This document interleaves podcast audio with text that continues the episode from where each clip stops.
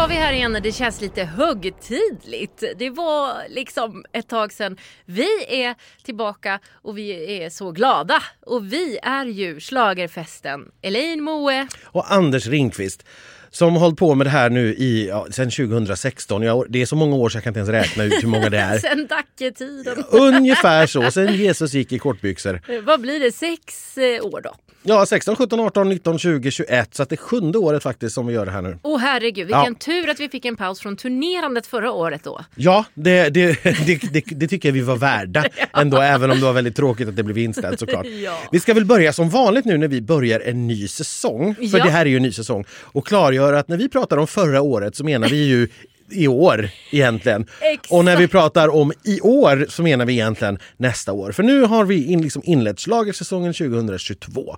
Eh, och då är det det året som liksom är i år. Vi firar ju våra år efter Mello. Ja. Så är det ju. Så ja. vi har ingen vanlig kalender, vi har en mellokalender. Ja, och den börjar nu och tar slut någonstans i slutet på maj. Ja, och vad som händer med resten av året i den kalendern, det vet vi inte. Då ligger vi i det. Ja, mm. precis Men så. nu har vi vaknat. Det har vi med, verkligen gjort, med råge skulle jag säga. Ja, vi fick ju en chock här eh, när vi skulle få reda på vem som skulle vara programledare för Melodifestivalen. SVT bjöd in till stor presskonferens. Och det här var ju innan några restriktioner hade släppts eller ens vi visste att några restriktioner skulle släppas. Och det som händer, det första som händer är att projektledaren för Melodifestivalen Anette Brattström berättar att nej men det blir en turné. Ah, paniken och glädjen samtidigt som utspelar sig i slagerfesten. Eh, ja verkligen och det blev liksom det stora numret. vadå en turné? Så, sen, ja. så det fokuserade vi på så glömde vi bort stackars Oscar Schia lite grann. Men vi är förstås väldigt, väldigt glada över detta valet. Det är vi och eh, vi, vi gillar ju Oscar både som artist och eh, som programledare i de fallen han har gjort. Han har ju varit mycket på radio men även i, i tv och sådär. Mm. Eh, och eh, förra året, eh, var vi där igen då, förra året så gjorde han ju en fantastisk insats med Anis Don Demina och eh, jag tycker att det är ett jättebra val. Och håller man sig till att det verkligen blir en programledare som verkligen är en programledare så tycker jag att det är både modigt, vågat och helt, helt rätt. Så att vi inte har liksom massvis med människor som ska ja, lägga sig i. Nej, lägga sig i. Det är en, en person. Ja, och jag måste då ge Anis Don Demina lite cred också. För han var ju också superduktig och har ju då också fått ett ganska stort programledargig efter det här som jag tycker att han hittills sköter helt fantastiskt ja. i Idol om ni har missat det. Precis, nej, men jag håller med.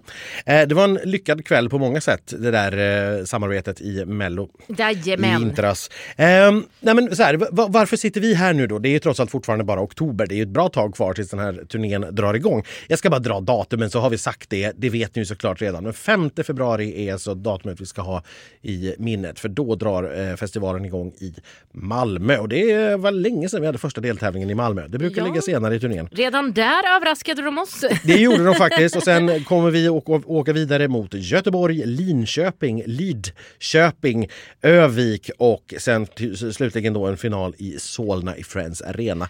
Det här betyder ju att vi har varit med så länge nu Anders att eh, vi besöker bara städer som Melodifestivalen har besökt under våran livstid som reportrar. Ja, och eh, vi har dessutom varit här flera gånger eh, redan. Linköping ja, och Linköping var ju faktiskt med senast det var en turné bara. Ja. Så att det är ju lite tråkigt val. Ja, och dess, dessutom jag som har lite OCD sådär med mönster så här, blir ju lite småsur för att de, Linköping har haft Melodifestivalen vart tredje år. Alltid vart tredje år.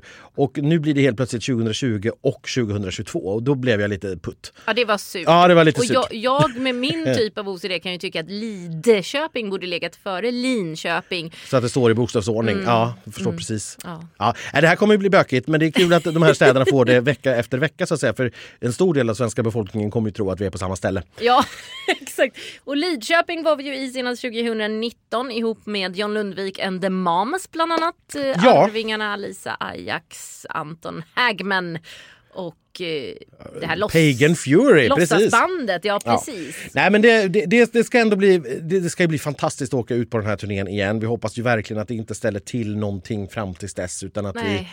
vi eh, kan göra det som planerat. Eh, och att vi får livepublik och hela, hela tjottaballongen. Liksom. Det ska bli väldigt, väldigt härligt. Eh, det vi vet mer då om eh, Melodifestivalen här är vi har eh, Farah Abadi. Presenterades ganska nyligen här av SVT som en, ja, inte sidekick, men ska följa artisternas resor. Mm. Och här har vi ju förstått då att hon kommer ju, hon jobbar så att säga redan med att träffa artister som redan har fått ett OK på att de ska tävla. Överraska dem med nyheten om jag förstod det Precis. rätt. Till och med. Och eh, vara med på lite möten, följa dem verkligen så att vi kommer kanske som vykort. Precis, det är ju min misstanke. Men det känns lite kort. För jag menar vykorten brukar bara vara drygt en minut. Men man kanske gör dem längre.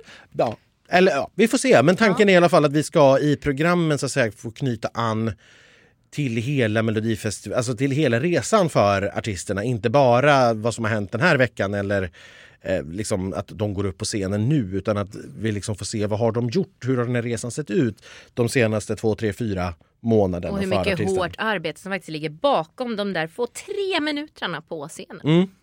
Så det ska bli jättekul. Och sen kommer hon såklart också vara med i direktsändning. Men som jag förstått det så är det väl snarare fokus på det här att följa resan snarare än att vara en sidekick i direktsändning. Ja, jag tror att det där blir jätte, jättebra.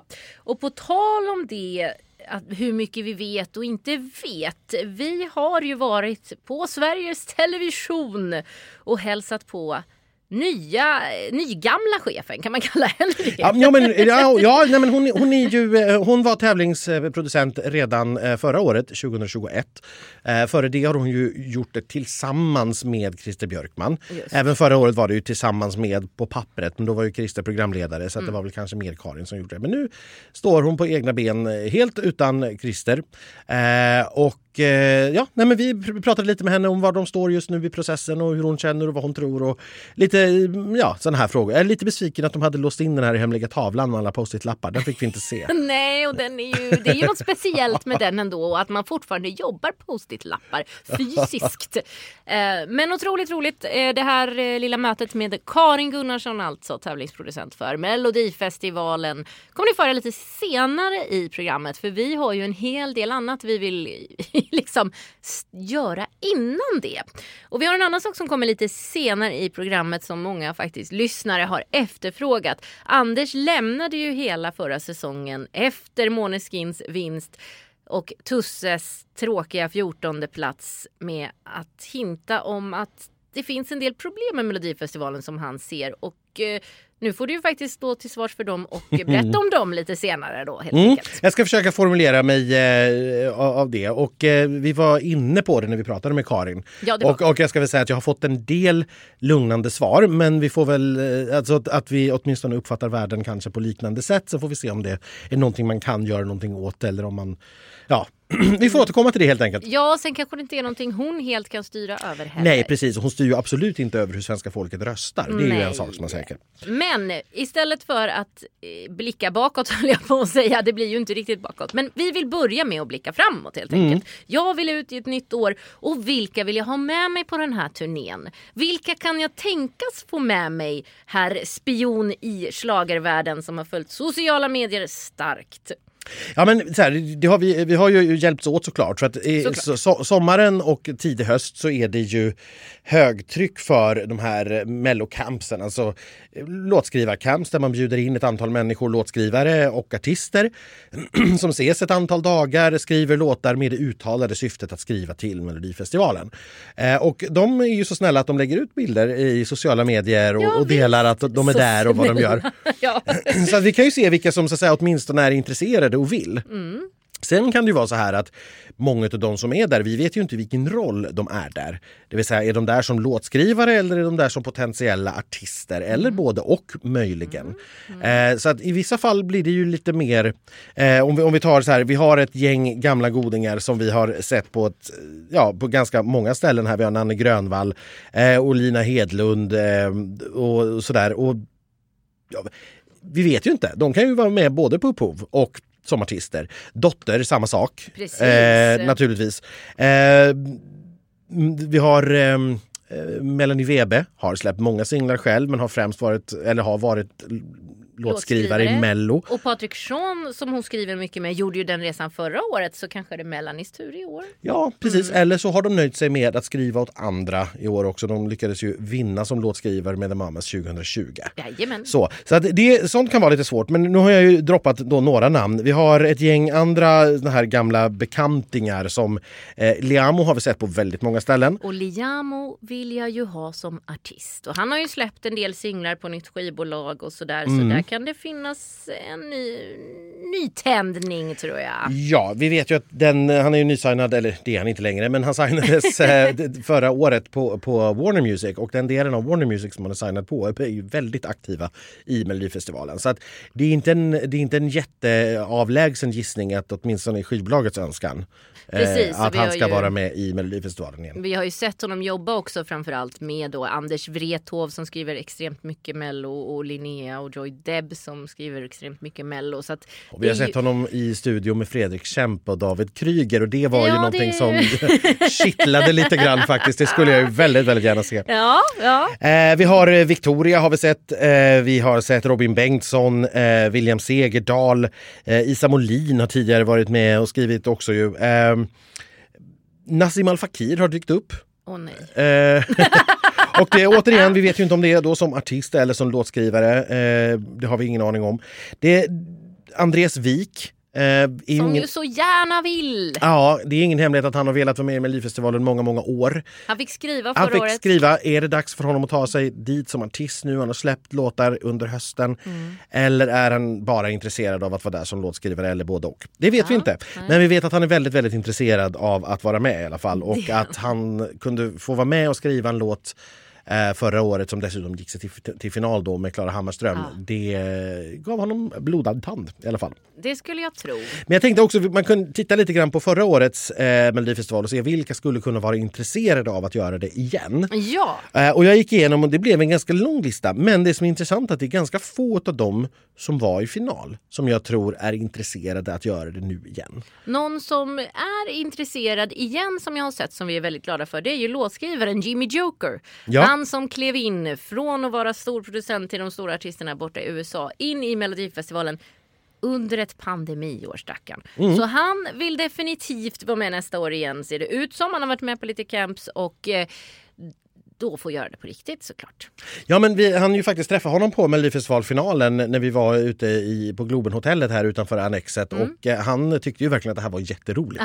Ah. Eh, så att det förstår jag att han gör och det gör han nog av så att säga, ren, rent nöje. Ja. Han tycker bara det är roligt. Ja. Det ser vi fram emot. Nej men jag, jag tänker mig från förra året, vi hade till exempel Lilla Syster som Gud, ja. jag har sett i studio eh, tillsammans med Palle Hammarlund och lite andra eh, människor som brukar skriva åt Mello så att jag tror att lilla syster siktar på att göra Mello igen. De tror att de tyckte det var skitkul. Och det var faktiskt så att de var ju så himla härliga. Ja. Så de är varmt välkomna tillbaka. Jätteroligt och såklart löser två problem åt eh, SVT egentligen. Att, ja men dels artister som är hyggligt välkända ja.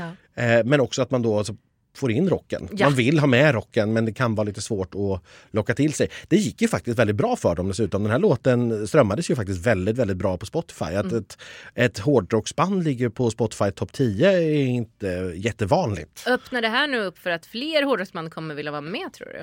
Jag hoppas det och jag hoppas ja. kanske till och med att, för jag, jag är ju en stor vän av det här att vi ska ha en stor och bred melodifestival. Eh, så att jag hoppas ju att andra rockgenrer mm. också vågar ta sig in. Mm.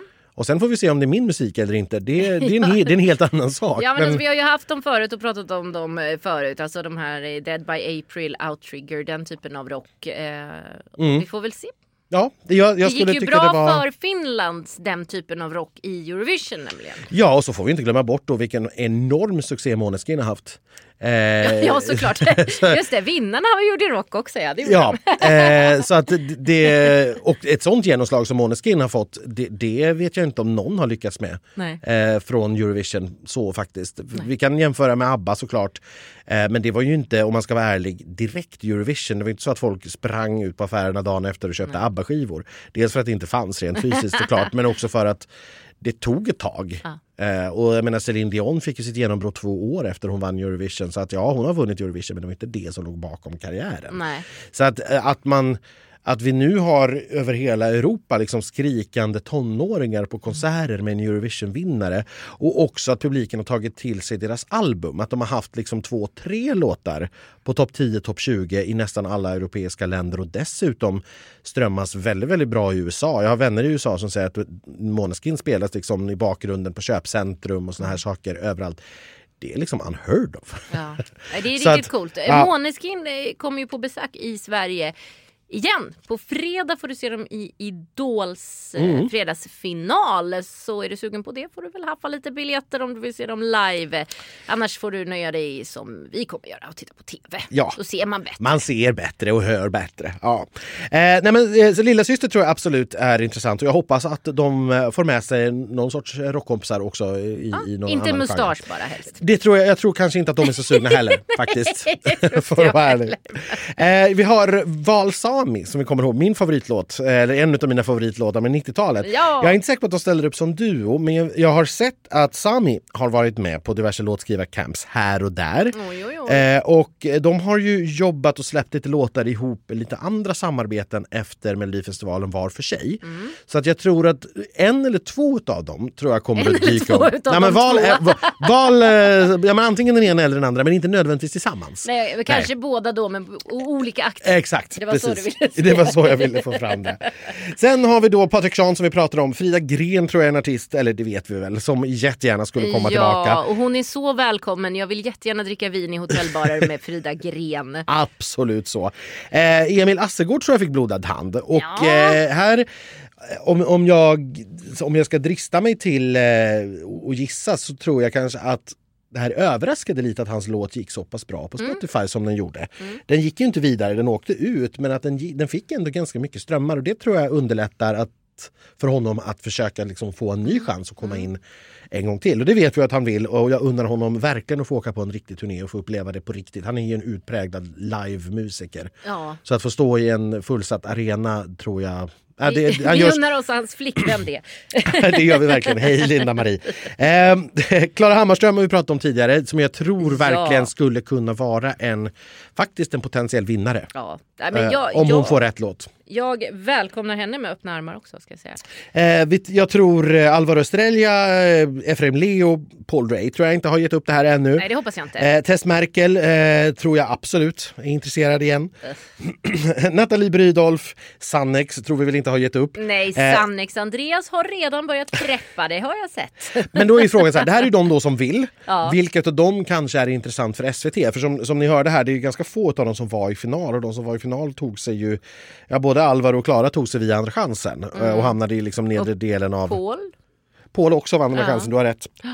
Eh, så att, och det var de enda tre finalisterna här, för jag tror inte att någon annan av finalisterna från förra året faktiskt vill en gång till. Nej. Så snabbt inpå. Nej, eh, nej. Erik är knappast intresserad, Danny är knappast intresserad, The Mamas är inte intresserad en gång till. Eh, och, och så vidare och så vidare. Så jag, jag tror att, eh, ja, eh, vi, vi stannar Klara nog där. Klingenström då? Nej, jag tror faktiskt inte att hon är sugen heller. Hon har fått det genombrottet hon behövde ja. och, och ville ha.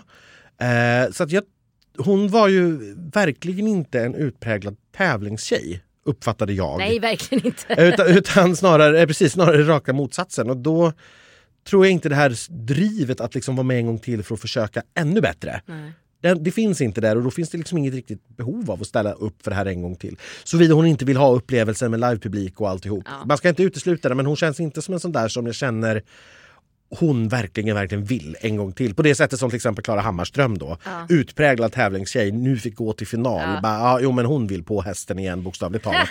Jag Eh. kanske inte heller skulle våga om jag var Klara Klingenström. För att det genombrottet och den hitten, den fantastiska låten, att försöka följa upp det så snabbt. ja, det är svårt. Folk kommer bara bli besvikna är en väldigt, väldigt stor risk. Ja, man behöver ju en låt som är bättre än den förra. Det räcker ju inte att den är lika bra, den Nej. måste ju vara ännu bättre. Och det är svårt för den där låten den är helt Väldigt, väldigt otrolig. Dessutom tror jag det finns möjligen ett annat namn som hennes management eh, kanske kommer att satsa på istället. Men jag återkommer till det. Ja, det hoppas jag. Ja. Nej, men, men däremot, jag tror som sagt, eh, Lilla syster tror jag är högintressant för SVT. Jag tror att Emil Lassegård, som jag sa utav det skälet då att det faktiskt gick väldigt bra. Ja. Det tror jag är intressant för SVT. Jag tror att Klara Hammarström är hyperintressant för SVT. Eh, jag skulle också tro att Val Sami i en eller annan konstellation Ja. eh, absolut är intressant. Men sen tror jag kanske att det tar lite slut eh, på den listan. Ja. Vi, vi, vi, Sen handlar det här naturligtvis, grundförutsättningen är att det finns bra låtar. Exakt. Eh, och, och det är klart att jag menar, kommer eh, Tess Merkel med, eller Nathalie Brydolf med en dunderjävla låt så det är klart att den ska vara med och tävla. Mm. Ja. Och det kommer ju inte SVT att säga nej till heller. Men Vi just ska det här... inte glömma juryn kan ju också ha valt ut eh, en låt som kanske passar bara någon av de här Ja. artisterna och då måste SVT ta med dem. Ja, absolut. Vi, alltså, ju- juryn har ju suttit och valt 14 bidrag så att 14 låtar är ju redan nu uh, klara. Jajamän. Och de flesta är ju förknippade med en artist som kanske har skrivit låten själv och då kommer ju inte SVT ge sig in och pilla i det där så att säga. Men i övrigt så letar man ju artister till de här 14, eh, några av de här 14 låtarna. Ja, Skulle så är det. tro. Och så letar man efter de där sista 14. Precis så. Eh, Idol var vi inne och pratade om, Måneskin. Eh, det är ju en plantskola för Melodifestivalen. Kunglig hovleverantör till Melodifestivalen kallar de sig själva till och med hörde jag förra veckan. Ja, och det stämmer ju mycket väl. Ja, eh, det, det gör det ju faktiskt. Och det är klart, det här är ju väldigt lyxigt för SVT att de får medietränade, erfarna artister som har gjort stora tv-sändningar, van vid livepublik, van vid media, men de får välja helt själva. De behöver inte bry sig om resultat eller någon jury eller någonting, utan de kan välja helt fritt. Ja. Eh, väldigt lyxigt såklart. Men här har, tror vi då förra årets eh, vinnare, eh, Nadja Holm, som numera då heter Kasanesh, Just det. ja, Just eh, det. i, som artistnamn. Ja. Eh, hon har släppt en singel faktiskt eh, som kanske avslöjar lite grann vilket sound hon är ute efter. Ja. Kanske inte var det roligaste jag har hört om jag ska vara ärlig. Nej, hon skulle nog ha hållit sig till riktig pop. Ja. Så säger jag. Det, Jag vi får älskade. Nadja som poptjej nämligen. När hon gjorde Beyoncé, det var det bästa jag sett. Men det verkar inte vara dit hon vill. Så Nej, vi får se, men jag tror att hon är högaktuell för Mello. det Eh, tror jag. Det tror eh, jag. jag- Paulina då? Du kanske Precis, har henne det- på din lista, det förlåt. Nästa, nästa namn här. Eh, s- syrran, eh, Susi Panchikova, gjorde ju Mello. Ja. Eh, och då kanske Paulina också Och är intresserad. Eurovision, hon var ju låtskrivare till Adrenalina Det var hon. med sin hit. Precis, nej men Paulina är absolut ett tänkbart namn och hon skulle kunna vara intresserad. Eh, kanske tillsammans med Susi, who knows? Oh, den du! Ja, ja, skulle den kunna vara. Eh, jag tror att eh, för detta vinnaren Sebastian Valdén försöker garanterat. Ja, han vill ju. Frågan är vad SVT vill där. Ja, nej, men det han har släppt låt. lite bangers ändå nu senaste Ja, jag tiden. tycker att han har släppt eh, faktiskt väldigt vettig musik. ja, han Jag- börjar hamna i rätt eh, Ja, track, precis. Så att jag skulle nog inte ha någonting emot att han fick en chans Nej. i Mello med, med rätt låt. Eh, Chris Clefford, Ja. på, varit på äventyr borta i eh, America's Got Talent, Just gick det. väldigt långt där Ja. och har därför faktiskt fått enormt mycket strömmar på Spotify. Han har över 100 miljoner strömmar på Spotify nu och det är klart att herregud. det är, eh, det är ju svårt att ignorera det om han vill. Ja, Om han och skivbolaget vill så är det väldigt, väldigt svårt att säga nej till. Mm. Eh, men det, jag, jag har ingen riktig uppfattning om han vill eller han har inte. ju dykt upp på lite efterfester då och då. Ja. Så han är ju i alla fall intresserad av en del av det. Ja, och han, så sagt, han har inte blivit fin i kanten på det Nej. sättet. Vi har sett honom dyka upp i Idol också, så, här, så att han har inte blivit eh, på, på något annat sätt. Och då så är det väl inte omöjligt att han dyker upp i Mello. Sen vet jag inte riktigt vad vi har Kaspar från förra året.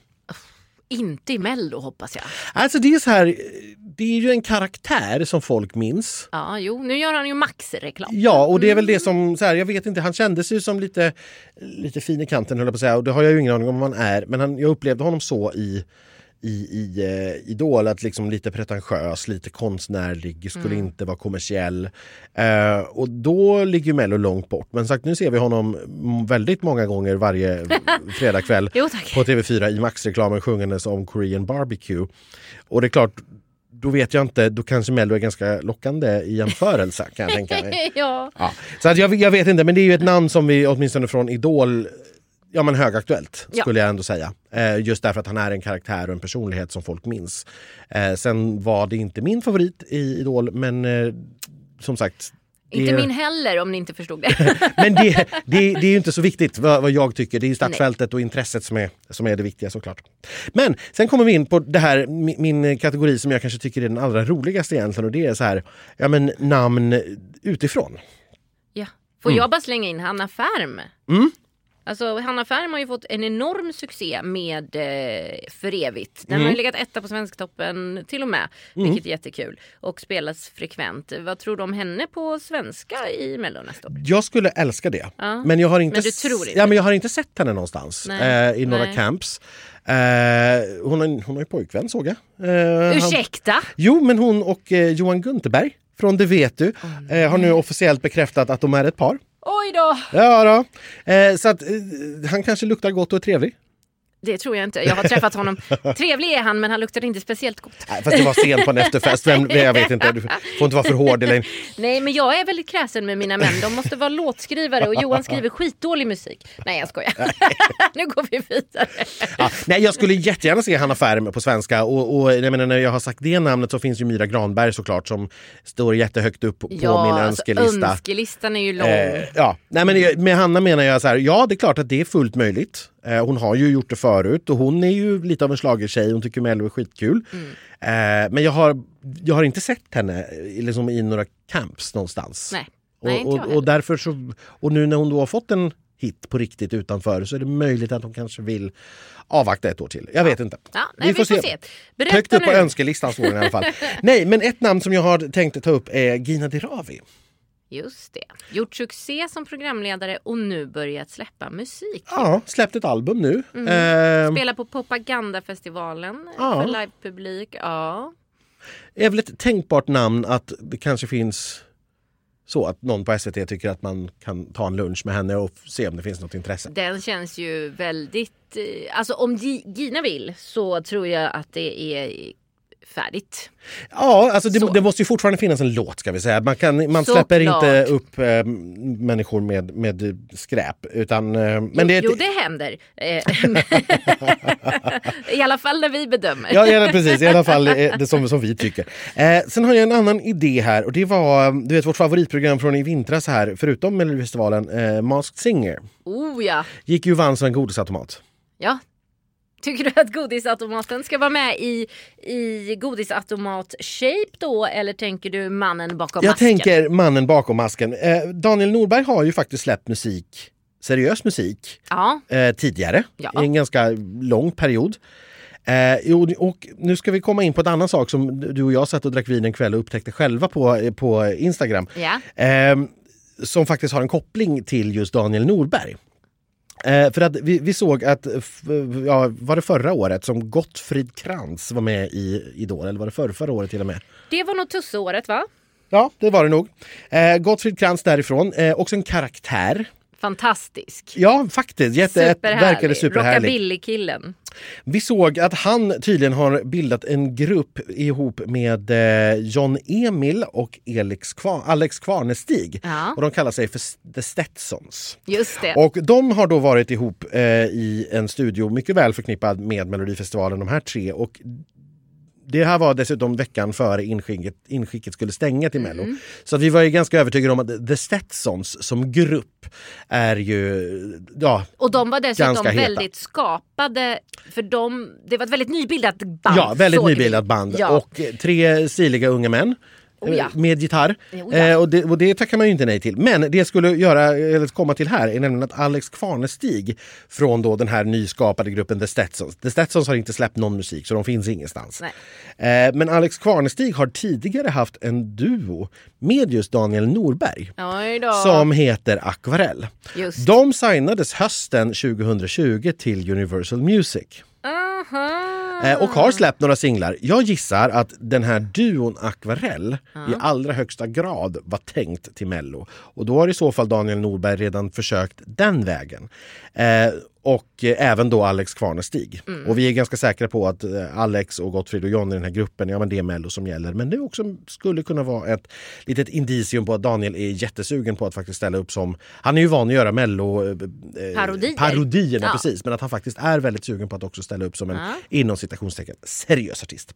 Det är jättekul ju. Vad tror, finns det några fler från Masked Singer som eh, skulle kunna Jag, jag, skulle tycka det vore ljuvligt med Victoria Silvstedt. eh, men jag tror, inte att, jag tror att hon är för mycket perfektionist för det. Jag tror inte att hon skulle kunna... Eh, jag tror att om hon skulle ställa upp i det så skulle det bli liksom... Hon skulle inte kunna göra det för skojs skull. Nej. Nej. Nej, det är väl Nassim då Eh, Ja. Som vi var inne på. Som har synts på camps men vi vet inte i vilken roll. Nej. Är det som eh, låtskrivare bara eller som artist också? Och, och. Johanna Nordström eh, har ju tyvärr gjort klart att hon kommer inte sjunga offentligt så mycket mer utan det var för att hon fick gömma sig och hon har ju dessutom enorm succé eh, med Ja. sin humorgrej. Precis. Att, eh, Nej, och, och Kiki Danielsson har vi ju sett många gånger redan i Melodifestivalen. ja men hon är så välkommen tillbaka. Ja, men rätt låt så. Kanske inte osbyt energi. Det ska ju alltid vara en gammal tant med. Ja, och det tycker vi om. Men så det är hon eller Siv Malmkvist då tänker jag som nu får nytt liv i eh, Så mycket bättre. Så mycket bättre. Eh, nästa namn på listan här är eh, Amadeus Sögaard. Nej men ljuvligt. Och det är som sagt, jag har ingen som, jag har ingen som helst belägg för detta. Han, men han har ju då släppt en massa låtar. Ja, Och eh, son... en dokumentär. Ja, precis. Eller ja. Det var ju inte han som släppte Nej, det den, var, men- det var en, en lång PR-film som de kallade Ja. för dokumentär. Men, men att ja, Carolas son skulle ställa... Den är, ju, den är ju helt oemotståndlig för SVT. Den är ju helt oemotståndlig. Om han vill så har han ju en väg rakt in såklart. Ja, lite som Benjamin. Ja, så är det. Eh, sen kommer vi in på det här som jag pratade om tidigare. Klara Hammar... Eh, nej, Klara Klingenström. Ja. Ja, jag fortfarande blandar ihop de här. Ja. Eh, Klara Klingenström, eh, det, det managementet som hon tillhör eh, har också sedan drygt år tillbaka signat Adrian Macéus. Just det, och honom var vi inne på redan förra året. Ja, inte det? eh, Mm. precis. Eh, Adrian har ju, han är ju musikal, eh, musikalkille, skådespelare, sångare. Eh, gjort eh, Bert i nya Bert-serien. Ja, Eller filmen kanske till och med. Nej, serien är det. Ja, serie är det. Ja. Han har eh, spelat i Billy Elliot på Stadsteatern och massvis med roller fram och tillbaka. Eh, och han ligger nu på Freebird eh, managementet. Så att jag skulle tro Mm. Faktiskt, för de är ju inte, de är inte ovana så att säga vid att få artister in i Mello. Eh, Nej, nej, vi har till exempel Bobby Ljunggren eh, kopplat till det här. Så att, Ja, det Mm. tror jag skulle kunna vara ett namn. Och nej, lite grann på samma tema. Ja. Lite, lite grann på samma tema, en, en möjlig konkurrent här som gör att det kanske bara finns plats för en utav dem. Det är en gammal bekanting som vi har pratat om tidigare. Theos. Just. Nu har han fyllt 16. Nu får han tävla. Och det Eh, kommer han göra om han vill. och, ja, han vill och skivbolaget vill. Frågan är, är han tillräckligt bra? Och sen som sagt, står det mellan honom och Adrian finns det plats för båda två. Ja. Så att, men, men det här är två namn som jag absolut tror Jag ska är fiska högintressanta. lite i den här Freebird-historien åt dig Anders. Ja, det får du göra. Ja. Men så, det var mina spekulationer. Ja, Tror jag. Ska vi höra vad, vad, vad Karin har att säga helt enkelt? Jag hade ju en massa frågor till henne också. Ja precis, inte på det här temat för någonting. Hon får ju inte berätta någonting om det här. Nej. Om, eh, liksom. Men vi vill ju veta eh, för er skull och för vår skull hur långt har de kommit i arbetet? Vart är de nu?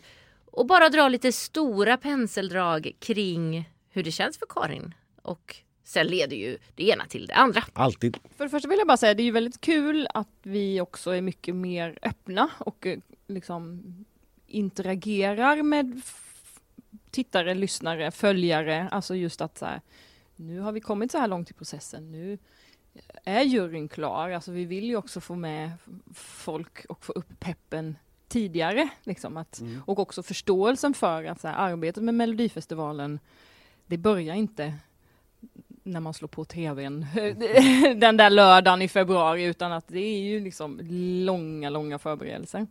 Nej men från att ha jobbat ganska mycket eh, själv eh, på kontoret och så, så är vi ju en, en inte riktigt en fullskalig redaktion men vi har producenter på plats och redaktörer och engagemangsteamet. Så folk har ju liksom, det har ju fyllts på i Mello-redaktionen, vilket är fantastiskt kul. Eh, startfältsmässigt, precis som du nämner, så har vi haft ett inskick som var ett lyckat inskick, återigen. Det är, vi ligger ju där runt, ja, nu var det 2530 låtar. Vilket är ett normalt år. Nu var det ju extremt, det var ju nästan 2750. Vilket jag tror var en effekt av pandemin, att folk hade mer tid att sitta hemma. För, förra året menar du att vi hade? Ja, ja, ja, precis. Um, ja, men en, en eh, väldigt rolig, eh, effektiv och härlig juryprocess. Ehm, och det börjar sakteliga ta form. Det finns ytterligare ett gäng som är inte riktigt så bekräftade och så än. Eh, Startfältet är inte komplett och det blir det egentligen inte förrän i november. Ehm, Finns det ett deadline-datum som ni har satt? Jag vill inte vara för snabb såklart. För att man vill vänta in saker, man har dialog och processer igång med, med artister och upphovspersoner som kanske av olika anledningar inte han få in saker till inskicks-deadline. Eh, men jag vill också att folk ska få veta i god tid så att alla i teamet hinner förbereda sig, alltså skivbolag, upphovsperson och artist och vi härifrån vårt håll. Eh, men att jag kan, inte, jag, jag, kan inte säga något datum, men det är ju, jag vill ju att det ska vara klart i, i typ mitten av november. Mm. Eh, men om vi pratar om, eh, du säger, att det är ett bra mm. inskick. Märker du någon, eh, eller om du ska ge en, en överblick över kvaliteten. Är det samma kvalitet som tidigare? Har det gått uppåt? Har det gått neråt? Jag tycker att det har generellt blivit väldigt hög lägsta nivå. Om, om hela inskicket är 100 procent så finns det några procent som man kan sålla bort ganska omgående. Det finns några procent som man känner så här, oj, det här är riktigt, riktigt bra. Men så, så finns det en stor del som är väldigt bra, men som inte är hela vägen. Mm. Eh, och den, den delen har blivit större med åren kan jag känna. De åren jag har jobbat, att liksom folk har bra utrustning, folk är begåvade, alltså det finns man tar ut svängen, det finns inspiration, man vill vara med i Mello, man tittar på Mello, man, man vet liksom lite vad som krävs eh, för att få till en hit. Men så kanske man inte är erfaren nog eller man har inte hittat rätt artist eller så här. Så den, den bulken av låtar tycker jag har ökat i antal och, och som sagt som är väldigt bra. Det är, har också blivit lite Ja, väldigt mycket, mycket, många fler demos som håller väldigt, väldigt hög kvalitet. Eh, och det tror jag hänger ihop med att Alltså om jag aktivt tar möten med upphovspersoner och kanske närmar mig folk som vanligtvis kanske inte skriver till Melodifestivalen eller som inte har varit aktiva på ett tag eller som inte ser det här som sitt forum eller så här. Men tar jag möten och liksom initierar och berättar om vad vi, hur vi jobbar och så, då får man ju också någonting tillbaka. Mm. Um, och då får man ju kanske inte bara en låt utan då får du 25. Eh, eh, så. Ja. Och då är det ju från en från upphovsperson eller från ett, från ett förlag eller vad det kan vara. Då kanske inte det är artist satt där. Men, men, men ett, det, det, är ett bra inskick. Ett bra inskick betyder ju också att det finns olika sorters låtar. Eh, och med den succén som Eva och Eva eh, hade nu mm. senast så har ju också det visat på att det går. Den typen av låtar funkar bara man liksom hittar rätt i låtartist och uppträdande. Mm. Även lilla syster kan jag tänka mig i det fallet. Absolut lilla syster. det är ett jättebra exempel. Eh, det har genererat liksom ett intresse och ett engagemang i hela den mm, genren. Eh, Klara Klingenströms framgång lika så. Svenska språket är fortfarande starkt i inskicket men att man såg att så här det funkar. Mm. Eh, så då är det också så här, det är att det är dynamiskt liksom. Det är bra. Ehm. Ja, för min nästa fråga var så här, vilka, vilka trender är det som du ser i, i musikvärlden i stort, både i Sverige och internationellt, som du kan skönja i inskicket till Melodifestivalen? För jag gissar att det finns en spegling, om än med kanske en viss fördröjning. Mm. Det är ju fortfarande, jag menar Weekend är en av världens största, om inte den största artisten. Och mm.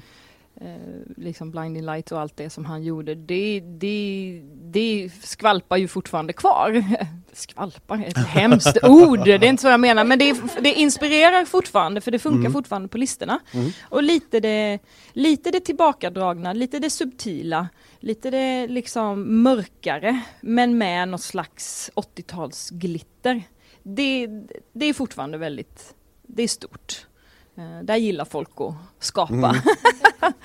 Nej men sen tänker jag en trend eh, ganska mycket lugna låtar, ganska mycket ballader och verkligen helt ovetenskaplig analys. Bara tänka så att först kom pandemin som en chock och man visste ingenting och så, ville man, så trodde man att man skulle kunna få fästa sig ur den och att det var över vid ett visst eh, eh, tid nu för lite sen och så var det inte det. Och då gick folk in i någon så här, nej ska vi leva med det här igen?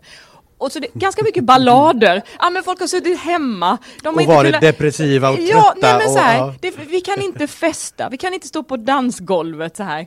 Det, man, jag är olyckligt kär eller jag, jag saknar någon, jag har inte träffat någon, jag skulle vilja träffa någon, hur ska jag göra? så att, ja men ganska, ganska mycket ballader faktiskt. Så vi kommer inte få se någon Lil Nas X eller vad du känner till än i alla fall i svensk version. Gud, det hade varit underbart! Ja, vi får fortsätta nöja oss med Henrik Schyfferts rumpa tills vidare kanske. Kanske. Har du, har du, nu, nu är det ju första året som du gör det här helt ensam, men du har gjort det bredvid Christer i flera år tidigare. Har du någon annan strategi eller har du egna tankebanor som du känner att nu får de liksom blomma ut ordentligt? Alltså i grund och botten så är det ju så här att jag har ju ett jobb och får ett uppdrag som ska som ska uppfyllas. Liksom, Melodifestivalen är Sveriges, Nordens typ största musikunderhållningsprogram och det ska finnas. Kan man till och med Artister. säga största tv-program faktiskt om vi ska Ja, vara ärliga. Absolut. Man får, Jag- man får sträcka lite på sig. Ja, ja, ja, jag är inte, Ja. exakt. Nej men så att det ska finnas en dynamik och artister av olika, ja, från olika genrer och med olika värden. Uppdraget ser ju egentligen detsamma ut. Sen så kan man ju alltid liksom ta ut svängen med kanske någonting som Någonting som jag har haft ögonen på, någon viss artist som jag inte gärna vill ha med. Men det måste jag säga att liksom de här eh, 2017 var mitt första år som biträdande eh, och sen har jag ju jobbat nära Christer och det har ju varit en, en dialog mellan oss två genom alla år. De senaste åren har han ju tagit ett steg tillbaka och förra året var han ju väldigt engagerad i, i programledarbiten och Just. så hade Mm. inte så mycket, såg inte av honom så mycket. Eh, och tävlingsproducent blev jag ju så att säga förra året. Eh, så jag känner liksom att eh, jag har liksom ångan uppe. Eh, sen kan man väl titta mer på programmets struktur.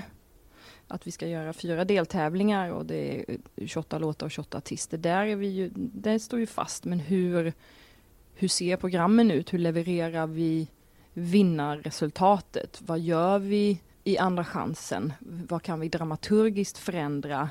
Och där har väl jag haft tankar också som har kunnat liksom så här och inte bara jag, men på redaktionen nu när vi Mm. sitter mycket Mm. närmare varandra och jobbar, att man säger, men fan, ska vi inte vända på den här stenen?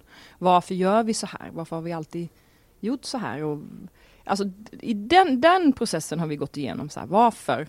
Varför gör vi så här för? Varför säger vi det här vid den här tidpunkten? Eh, kan programledarna eller programledaren göra så här istället? Så här, vad händer om? Vad händer det? Och det, det, den känslan eh, och ambitionen har nog genomsyrat oss väldigt mycket i år. Eh, även att, som sagt, Christer har backat ur bild har han, har han ändå alltid funnits med Mm. och nu gör han inte det. Vilket är jättetråkigt. Jag saknar honom, liksom en kär kollega är borta från kontoret. Men det har också gett oss liksom Ja, men vi har inte honom att förhålla oss till på något sätt. Även att han är, måste jag poängtera, otroligt förändringspositiv och inte stagnerad på något sätt. Men nu, nu är det lite så, år Mm. noll. Men har du något, eh, jag ska inte be- begära att du avslöjar i så fall, men finns det några konkreta saker som ni kommer att förändra i upplägg eller format till eh, nästa år? Ja, Oh, to be continued. Ehm, Nej men jag, så här kan jag väl liksom säga att som inte, det är ingen hemlis eh, så, för det får jag väl hålla lite på. Men, men just bara att hur vi redaktionsmässigt så här jobbar eh, väldigt mycket närmare varandra nu, lite plattare. Daniel Edvardsson som är inne som eh, producent. Lotta Furubäck som har liksom kreativt eh, producentskap och sen är det liksom jag som sköter musik och artistbiten. Alltså vi är ju liksom, vi har kallat oss internt som de tre musketörerna, nej men att vi jobbar väldigt sömnlöst liksom. Att, att innehåll ska veta, jag vill inte säga tävling och innehåll längre för vi gör ett program tillsammans. Att de är väl införstådda med vad jag håller på med. De har hört låtarna, liksom. jag har berättat om artisten liksom, för att de ska tillsammans då med Farah som är galjonsfigur följa artisterna och vi ska komma liksom artisterna närmre och jag vill bygga, tävling är viktigt. Tävling är det programmet handlar om. Artisterna som är med i Melodifestivalen är ska uppas, hyllas och eh, tas hand om på ett fantastiskt sätt hela resan igenom. För även att, ja det är en tävling och det kommer stå någon som har vunnit där, så känslan av att vara med i Melodifestivalen ska hela tiden vara att även om man åker ut från själva programmet så är du inte en förlorare. Du har vunnit någonting. Bara att vara med för det första är en vinst i sig. Att gå vidare är en vinst i sig och att stå i final är en vinst. Och att oavsett resultat så, här, så ska det vara en, en, en jäkligt härlig resa som man vill göra om. Och artisterna i Mello, de är de, är de som underhåller folket. Så är det. Vi är Sveriges största blandband. Det är låtarna mm. du dansar till. Du, det, det hörs på skolgårdar. Det är liksom och de, det ska hyllas och upphöjas. Det är väl också så här någonting som jag är väldigt, väldigt så här mån om att fan, de är, de är så jäkla grymma. Det är många som inte vill vara med i Mello för de inte vågar. Det är så. Alltså, så ja, de alltså som jag, är med i Mello, de är mm. fan varje, coolaste. Varje år så tänker jag det, alltså hur, många, hur modigt det är. Ja, I synnerhet kanske min egen låt. Det, det är väl ungefär så liksom, kreativt naken man kan bli på något ja. vis. För det finns ingen större publik att få. Nej. Det finns ingen större, ingenstans där det är fler människor som tittar, tycker, bedömer, mm. till och med röstar. Vi kan mäta exakt hur mycket mm. folk tycker om dig ja. Och din låt. Ja. Nej, men var, varje, varje fredag är ju på något sätt en tävling i musik. Mm. Varje, varje fredag så släpps det, eller varje vecka släpps det, men fredagarna är ju med, med New Music Friday och så vidare ja. en väldigt sån koncentrerad dag. Vad är det som händer? Så här. Varje fredag är en tävling i musik. Har du gett in i det här och har tänkt vara artist i hundra år så är det, mm. och Melodifestivalen är en del liksom av ett sånt kretslopp. Det är bara, kom hit och bara gör det. där du faktiskt får liksom, ja nej men där du faktiskt får också så här eh, styra lite över ditt narrativ. Alltså, och du får göra ett fantastiskt nummer mm. och du får visa upp dig och din låt för jättemånga och gå igenom bruset. Och nu till och med livepublik. Ja, oh, så underbart. Tour life! Jag tänkte på, eh, det var ju på tal om förändring i, i format och, och, så vidare. Eh, förra året kom det ju en, en förhandsavisering om att eh, reglerna för eh, vem som får skicka in bidrag skulle förändra sig i att låtskrivare som inte skrev sin egen låt, eller där det, inte, där det var fler än en låtskrivare rättare sagt, skulle vara av båda kön att det skulle finnas med en kvinna på varje bidrag som tävlade i, Just det är precis. det du menar? Ja, ja. Eh, ja men precis. Och, och den mm. eh, blev det ingenting utav. Nej. Nej. Nej. Vad, var, vad var reaktionerna du fick på, på den förhandsaviseringen? Eh, blandad. Eh, mestadels eh, positiv, eh, men även negativ. Det är ju en otroligt kontroversiell fråga som också tyvärr engagerar de personer som det berör minst. Och det är oftast de som blir oresonligt arga. Mm. Jo, jag såg en del kommentarsfält som jag kände att det här är ju personer som inte har tittat på Melodifestivalen sedan 83. Ja. Eh, men, men nej, som, nej, men ja. nej, så ja, det, det var, nej men det var ju, jag fick ju jättemycket skit. Men också många klappar på axeln. Och och det, det alltså så här, Melodifestivalen är liksom en del av svensk eh, musikindustri. Vi är en del av det här vi är alla i symbios i musikindustrin och det finns väldigt starka krafter som vill pusha fram tjejer på olika positioner. Men jag är ingen A&R. jag jobbar inte på ett förlag, jag jobbar inte på ett skivbolag. Alltså jag, gör, jag är tävlingsproducent för Melodifestivalen. Så här, vad kan jag förändra i min position? Och där var detta ett aktivt beslut att säga okej, okay, ingenting händer. Varje år får vi samma kritik. Var, varför, mm. varför, varför? Och jag är inte kan inte själv lösa det problemet. Men vad kan jag göra för att bidra från min position eller från vår position? Ja, och då var det ett förslag som sen inte vi kunde stå för hela vägen ut, för att det var inte riktigt förankrat i alla led. Och det kanske, det kanske var lite Ja, jag vet inte. Det var, väl, det var att sticka ut hakan utan kanske att ha, ha eh, tänkt hela tanken. För att också så här, jämställdhet är en, en process eh, där vi alla på något sätt måste hjälpas åt och det kanske ska ske mer organiskt och på andra sätt. Nu finns ju vårt initiativ, det här med Mello campet Mello Kollo, där det är 50% killar och 50% tjejer och där jag hoppas och ambitionen är ju att på det campet ska personer som inte tidigare har träffats eller jobbat tillsammans göra det och utbyta erfarenheter och telefonnummer och förhoppningsvis långsiktigt kunna börja jobba tillsammans och att det ger resultat. Och att det också inspirerar andra till att så här, öppna upp. Um, så att jag fick backa på den grejen och nu är det 50 procent som vanligt som gäller. Som, ja, som vanligt.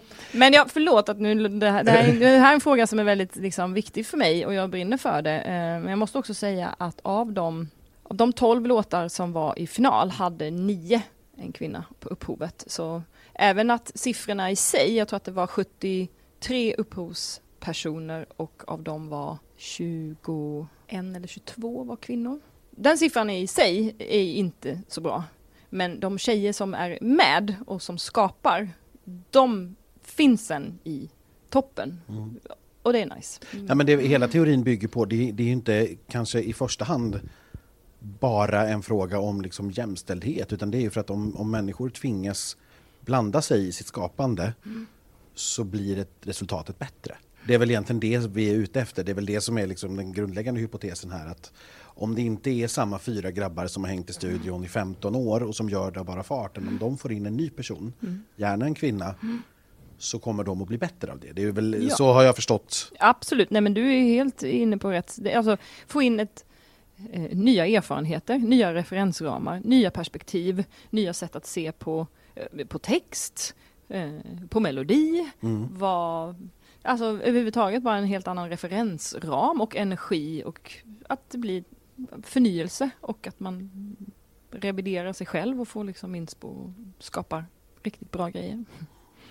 Jag tänkte eh, vi ska börja avsluta här, men jag ska prata lite grann om Eurovision också, för det är ju trots allt eh, slutmålet för resan här. Mm. På, på vilket sätt påverkar Eurovision Melodifestivalen? Vi såg en tävling i våras eh, med publik som tur är, vi fick ett resultat där. Mm. Och då tänker jag både på trender, vad som gick bra, eh, men också Sveriges placering, hur påverkar det hur du tänker i Melodifestivalen? För det första är det ju så här, ska vi, ska vi, går vi och vinner eller inte? det sätter liksom olika ramar för hur vi sen ska jobba vidare.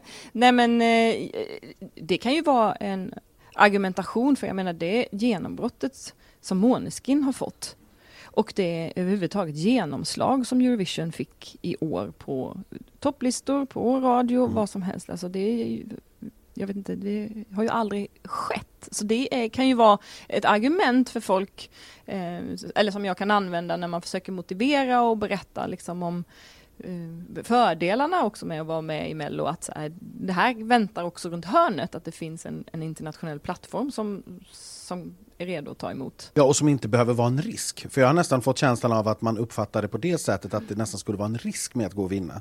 Alltså man är jättegärna med och tävlar i mellofinalen inför jättemånga miljoner tittare. Helst vinner folkets röst och kommer tvåa. Att det är lite grann så, att det har varit liksom någon sorts mål, men nu ser man ju att det behöver inte vara så illa att vinna heller. Nej, nej verkligen inte. Jag tycker att i år så var det ju också den här tydligheten Alltså de, de mer knasiga bidragen gick ju inte så himla bra.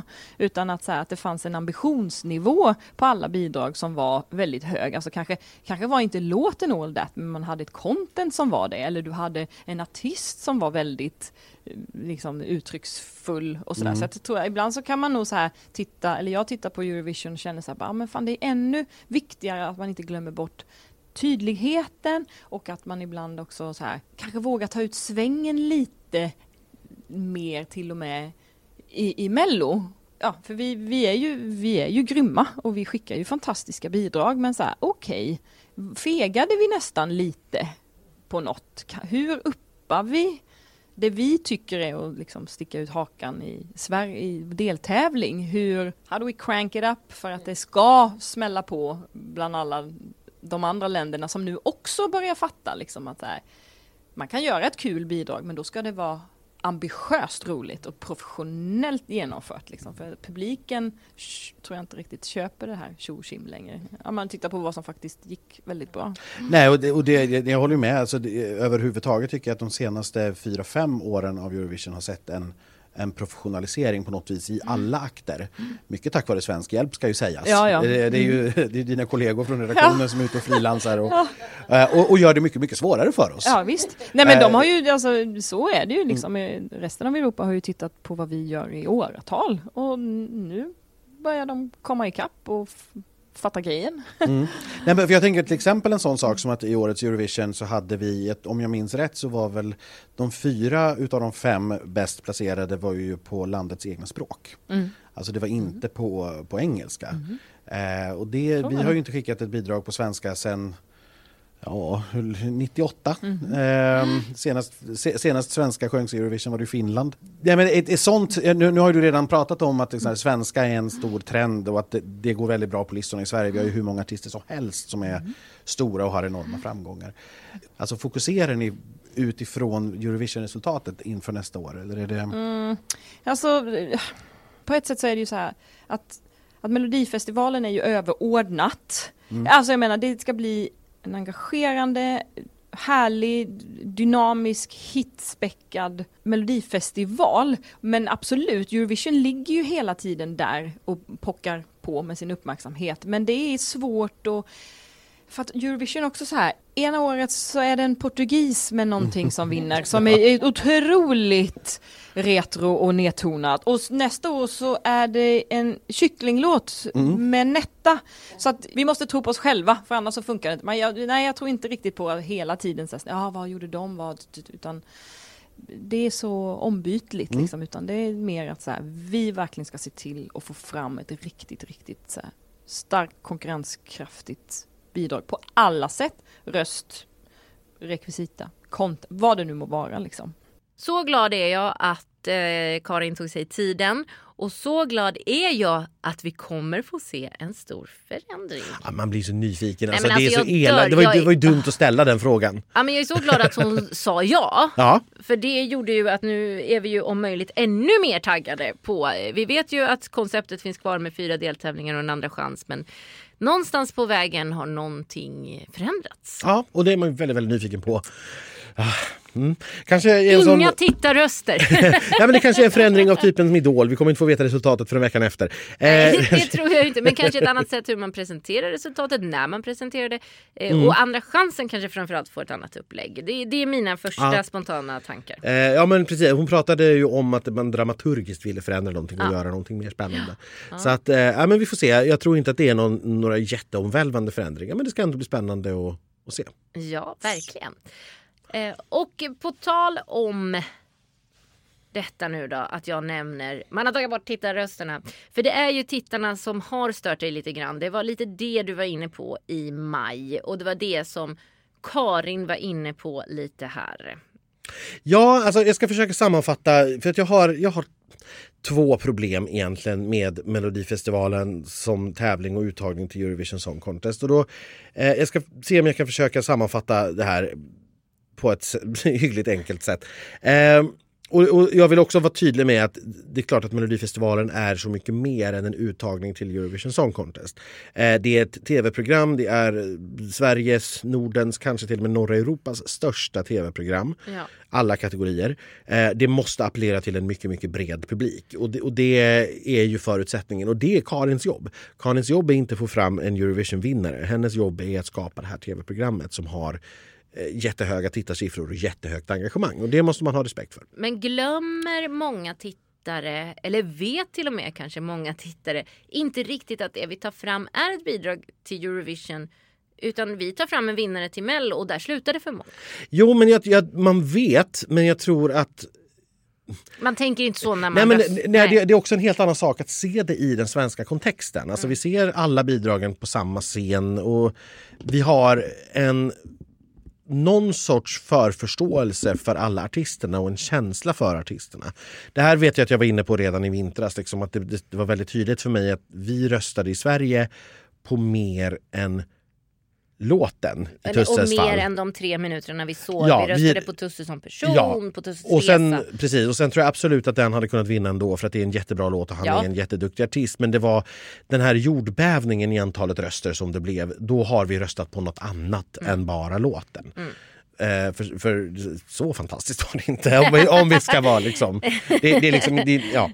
Eh, nej men det ena är att vi har ett röstningssystem, det här har jag varit inne på många gånger, Ja. eh, där vi premierar eh, snarare minsta gemensamma nämnare än det som väcker ett engagemang. Just. Eh, vi tar hellre fram en vinnare som många tycker är okej än en vinnare som några tycker är fantastisk. Eh, och som sagt, det här kan också vara så att det sitter i mindsetet hos människor. Och det är mitt andra problem. Att vi inte vågar riktigt ta någonting som är konstnärligt, eh, som sticker ut och är helt uppåt väggarna konstigt eller knasigt. Eh, och vi är rädda för att vi ska göra bort oss i Eurovision. Det, det ser man ganska ofta i kommentarer. Det kommer in tusentals kommentarer på Instagram och Facebook och överallt liksom på programmet att Åh, vi skulle göra bort oss i Eurovision. Ja. Och om rädslan för att göra bort sig är större än önskan att vinna, Ja. då kommer man att hamna på topp 10. Men mycket, mycket sällan vinna faktiskt. Eh, för att tittar vi på de senaste åren, Karin var ju inne på det här, Alltså, det är jättesvårt att förutspå vad som kommer att funka i Eurovision. Gud ja. För ena Gud, ja. året så är det verkligen en konstig portugis och nästa år är det en kycklinglåt. Sen så Ja. har vi en kille vid piano och, och sen därefter eh, så, så har vi liksom ett rockband. Det, är- det är jättekonstigt men det som faktiskt i någon mening förenar det som går väldigt, väldigt bra i Eurovision och som vinner Eurovision det är att det är helt uppåt väggarna. Det är någonting som sticker ut. Det är någonting som sticker ut jättemycket. Eh, som vågar bryta mot alla normer och konventioner kring hur ett Eurovisionbidrag inom citationstecken ska vara.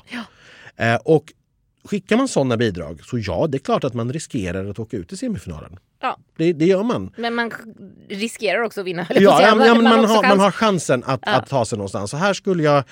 Eh, och det är som sagt, jag, jag tror att både SVT, och det här blir jag väldigt glad när Karin säger, Ja. att hon, vi kanske behöver våga ta ut svängarna mer redan i liksom deltävlingen i bandyladan i Lidköping. Ja. Att, ja, men det, det kanske är bra. Vi hade Loreen med statements. Ja. Eh, och sen dess har det varit lite dåligt med det här. Men Sverige vill att- ju inte ha det. Nej, vi vill inte ha det. Och jag tyckte att Erik Sade kom ganska nära med ett, liksom en ganska hög konstnärlig ambition. Eh, och det röstade vi inte heller för. Eh, men det, är- det är en annan sak. Eh, men att det måste finnas där. Det måste finnas åtminstone ett, gärna två eller tre utav, alltså bidrag av den kalibern som faktiskt är knäppa och konstiga. Ja. Och jag skulle till och med kunna tänka mig att Ja, men så här, Klara Klingenström som vi pratade också om här med, med Karin. Men att bidrag på svenska, alltså fyra av fem låtar i årets Eurovision var inte på engelska. Vi behöver absolut inte vara rädda för svenska. Eh, vi behöver inte vara rädda. Alltså, jag tror inte att Eva och Eva hade gjort bort sig i Eurovision. Nej, det tror inte jag heller. Nej, men, men, men vi är för rädda. Vi är för rädda för att göra bort oss Ja. och då vågar vi inte heller skicka det där som är knasigt. Nej. Eh, så att det, det, det, Nej, det, jag tror det är tvådelat. Jag tror att det, det är tvådelat i att å ena sidan så här, jag tror inte att publiken skulle våga rösta på det. Men de har inte heller ett röstningssystem som direkt uppmuntrar till det. Nej. För jag, jag skulle mycket hellre se en vinnare som 15% av tittarna älskar och Mm. 85% hatar. Det, ger, det väcker en reaktion. Ja, eh, då, då vet man att då har man en contender till Eurovision. Och 15% av tittarna älskar det, Ja. då räcker det. Ja. För att då finns det en majoritet i Eurovision helt plötsligt. Om vi översätter det till, till, eh, till eh, Europanivå. Ja. Nej, men så det, det handlar om både att SVT och att tittarna ska våga mer. Mm. Våga sticka ut, våga vara konstiga, våga vara udda, våga åka ut i semifinalen. För det är inte hela världen. Det är jättetrist där och då. Jag var i Oslo 2010, det var fan inte Ja. buntert. Men, men man, man tar sig igenom det trots Ja. allt. Eh, hellre det än att vi liksom Våga vinn! Satsa eller försvinn! Precis. Eh, ta- tack för den. Eh, Det var sammanfattningen. Nu vaknade vi till allihop. Eh, Nej, men och sen också kombinera det med ett röstningssystem som faktiskt premierar det där tittarna får välja en vinnare Ja. eh, och inte välja fyra vinnare och så tre backuper. Nej. Eh, för då kommer vi att få minsta gemensamma nämnare som vinnare och då är vi förmodligen där att när vi kommer till Eurovision, jo men juryn som kan välja eh, jurygrupperna ute i Europa som kan ranka sina liksom, topp 10. Ja. Där kommer vi finnas med och få mycket poäng från jurygrupperna. Men vi är liksom favorit hos ganska få tittare. Ja. Den eh, liksom ultimata favoriten, för där räcker vi inte till. Utan eh, liksom när Benjamin kom på 23 plats i telefonomröstningen 2018 Ja. så tror inte jag att tittarna i Europa tyckte att han var liksom tredje från slutet. Nej, såklart Nej. inte. Utan jag tror att de flesta tyckte att han var liksom klart över halvan, förmodligen i topp 10, kanske till och med topp 5. Mm.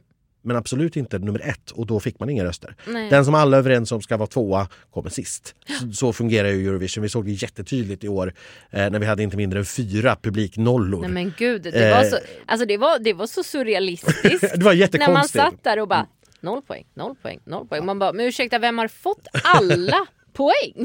Nej, och, och, och, då är det ju helt enkelt så att de eh, lyckades inte ta sig in i topp 10 någonstans. Alltså, Nej. ingenstans var det så att man, man lyckades få den här första platsen. Ja, men så det, det är vad jag skulle vilja se att Melodifestivalen utvecklar sig inom. Att man vågar ta in beräknade tävlingsbidrag på ett annat sätt. Alltså, för precis som att vi ska ha de stora Spotify-hitsen och vi ska ha den stora bredden. Vi ska ge nya artister chansen och vi ska ha lite gamla artister och vi ska ha lite nya konstellationer. Så skulle jag också vilja att man liksom verkligen ger plats för ett, två eller tre utpräglade tävlingsbidrag för Eurovision. Och sen om tittarna inte röstar på det, ja, det kan vi inte göra något. Det kan inte SVT göra någonting åt. Nej, det kan inte jag göra någonting åt. Men då Men de finns kan det ge dem valmöjligheten Ja. och de skulle kunna som sagt ändra det här tokiga röstningssystemet. Ja, jag tror inte att det är bra för det man vill uppnå. Eh, det, det, det, det är min bestämda uppfattning. Men eh, där får vi se om jag har någon, om, om jag har någon framgång. Ja. Men nej, så det, Om du här är jobbar nog, på det så jobbar jag på andra saker. det här är väl kort sett tror jag vad eh, jag skulle vilja ha sagt eh, och hur jag skulle vilja se förändringen. Och jag, jag, jag tycker ändå att jag får positiva signaler här från Karin. Jag blev eh, lite upplyft av att vi ändå liksom ser det här behovet av att det är jättemånga länder nu som har ja, men shapat upp sig. Som vågar göra mycket, mycket mer och då, då Ja, men då kan inte måste vi också göra det. komma med det här trygga, eh, superbra, eh, slickade. Vi måste bli... Nej precis, en, Sticka en, ut en, en, en stab- stabil Spotify-hit, eh, duktig artist, fyra dansare bakom, eh, snygga kläder, snyggt ljus. Det räcker inte längre. Nej. För sju, åtta år sedan så räckte det. Det, räck, det gör inte det längre nu för nu kommer det finnas fyra, fem, sex länder som kommer ha det plus någonting extra. Exakt. Gud, det var ändå en härlig, nästan alltså, avslutning kände jag. Ja, nej men det, vi, nu, det, det blir ju en lång paus nu. Det, det, det blir det ju. Det var en härlig avslutning, vi hörs i februari. Nej, riktigt så tråkigt ska vi inte ha det. För vi har ju en till hållpunkt som vi ser fram emot och det är ju, brukar ju vara någonstans i slutet av november. Mm. Första december tror jag att det hände, då, var det, då drog man ju ut det på tre dagar, det var ju lite onödigt. Eh, Ja. Men i år hoppas vi att de har återvänt till att ha en presskonferens för middag där vi får träffa alla artister och låtskrivare eh, på en presskonferens. Ja, Och då brukar det vara slutet av november. Precis, det brukar vara där någonstans. Och eh, det blir nästa hållpunkt, eh, tror vi. Ni kommer ju såklart att kunna följa, jag menar, det händer det någonting, vi lägger ut det på Instagram och sådär. Eh, Ja. Och så kommer ni såklart att följa det här i andra medier också. Vi, vi väntar ju ivrigt på att Tobbe Ek på Aftonbladet ska börja avslöja lite namn åt oss här i förväg. Exakt. Eh, jag tror inte att första namnen är långt borta nu. Nej, Nej. han brukar väl börja med det där någonstans i eh, slutet av oktober. Ja, det beror på när han... där. Ja, så här, det beror när på. han vågar. Ja, och, och så ska de ju ha fått bekräftelse av SVT också. Det, Ja, precis. Jo, ja. jo såklart. Annars Så. är det dumt. Eller så har hans läcka på SVT försvunnit, man vet aldrig. Nej, jag, vi vet ju inte vad han har för källor alls. Nej. Nej. men det, det blir väl nästa eh, hållpunkt. Så att vi kommer att höras om ja, en och en halv månad ungefär. Ja, precis. Men vi ville in hit, säga hej och hälsa från Karin Gunnarsson helt enkelt. Ja, nej, men vi var lite så här pepp på att dra igång säsongen och Ja, men nu när det har börjat snackas lite grann och, och, Ja. och buzzas. Precis. Mm. Men tills dess så får ni ta hand om er. Eh, gå och vaccinera er om ni inte har gjort det. Tvätta händerna och allt sånt där. Så hörs vi igen i slutet av november tror vi. Jajamän. Och Ha det gott. glöm inte, våga vinn!